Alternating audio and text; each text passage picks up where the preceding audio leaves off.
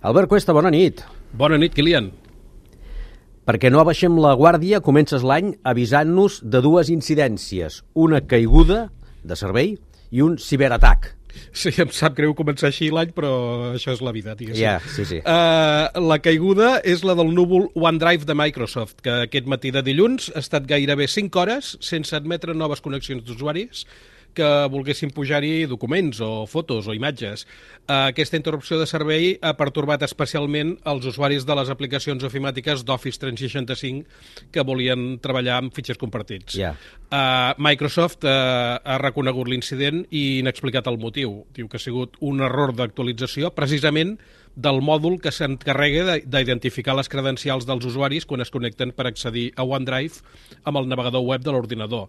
Uh, per això també és probable que molts oients que facin servir OneDrive amb el telèfon no hagin notat la caiguda, perquè normalment a l'aplicació mòbil ja hi tens posades les credencials i no les has de tornar a posar cada, cada vegada que hi entres. Clar. Uh, uh, sigui com sigui, Microsoft diu que el problema ja està resolt i que es pot accedir a OneDrive, com sempre. OneDrive, que és un servei molt usat, eh?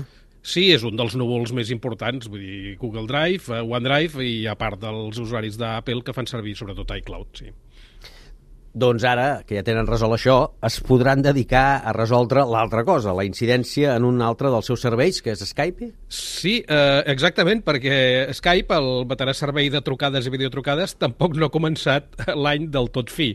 Eh, les modalitats de pagament, com les trucades a telèfons fixos i mòbils, no funcionen, i els abonats a Office 365 no poden disposar dels 60 minuts de trucades eh, que els hi toquen, que van inclosos en la quota mensual.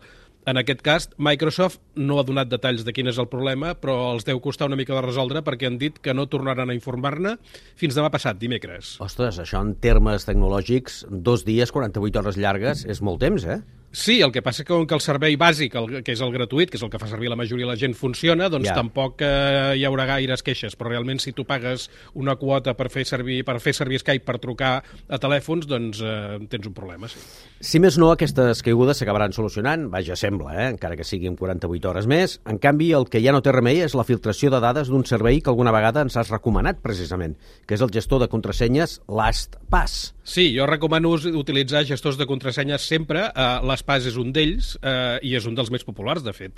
Uh, com d'altres, funciona com una mena de clau mestra per accedir a tots els serveis o webs o aplicacions on estiguis donat d'alta sense haver de recordar les credencials de cap d'ells. Només et cal instal·lar l'ordinador o al mòbil l'aplicació del gestor de contrasenyes que hagis triat i a partir d'aquell moment el servei va guardant tots els noms d'usuari i les contrasenyes de cada servei on et dones d'alta i per accedir-hi només has de recuperar, has de posar la contrasenya mestra sempre que te la demanin. No? Ja. Uh, suposadament aquesta informació està xifrada tant al dispositiu com a la còpia del núvol de l'espàs, que és la que permet accedir a les nostres dades des de qualsevol dels nostres aparells. Vull dir que et dones d'alta amb un, a l'ordinador i després pots entrar al servei uh, des del mòbil, per exemple. Sí. El problema de l'espàs és que l'estiu passat van patir una intrusió als seus servidors i fins la setmana passada, o sigui, eh, serien això gairebé mig any després, no han admès que aquells intrusos es van endur una còpia de seguretat de les dades de tots els seus usuaris. Que ja és tots. endur-se, ja és endur-se. Que ja és eh? endur-se, sí, sí. Aviam, ells insisteixen en que les dades aquestes estan xifrades i, per tant, eh, no són vulnerables. Però ja hi ha diversos especialistes que avisen de que el sistema de xifratge que fa servir l'ESPAS és més aviat feble, de manera que els usuaris que no tinguessin una contrasenya mestra prou forta s'exposen a que els hackers acabin accedint a totes les credencials que hi tinguin guardades, totes. I a sobre resulta que algunes de les dades dels usuaris, com els noms de les webs i aplicacions on t'accedien, ni tan sols estaven xifrades.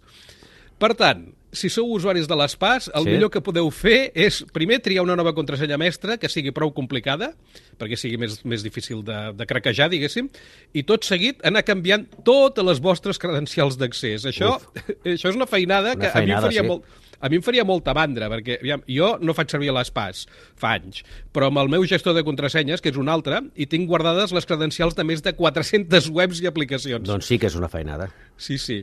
Uh, en tot cas, com a mesura de prudència, uh, uh, si sou usuaris de l'ESPAS, podeu activar amb tants serveis com pugueu l'autenticació de doble factor, que és n'hem parlat moltes vegades, és aquell sistema que et demana que per accedir a un lloc un codi que t'ha enviat prèviament al mòbil. Eh, D'aquesta manera, encara que els hackers de l'ESPAS hagin aconseguit desxifrar les vostres credencials, si més no, no us podran suplantar. Ens dones aquella sensació de quedar-nos una mica nus eh, en aquest inici d'any, Sí. perquè se te'n van totes les contrasenyes i totes les proteccions. Eh? Sí, sí, el que passa és que clar, si tu, si ho tens configurat, si tu configures d'una manera més prudent, doncs llavors pots mitigar aquest efecte. Però en qualsevol cas, serveixi aquesta entrada d'any per eh, recomanar sempre prudència a l'hora de doncs, d'identificar-nos, no? Bon any nou i prudència serà el nou eslògan a partir d'ara. Que vagi bé, gràcies. Bona nit, Kilian. Fins demà.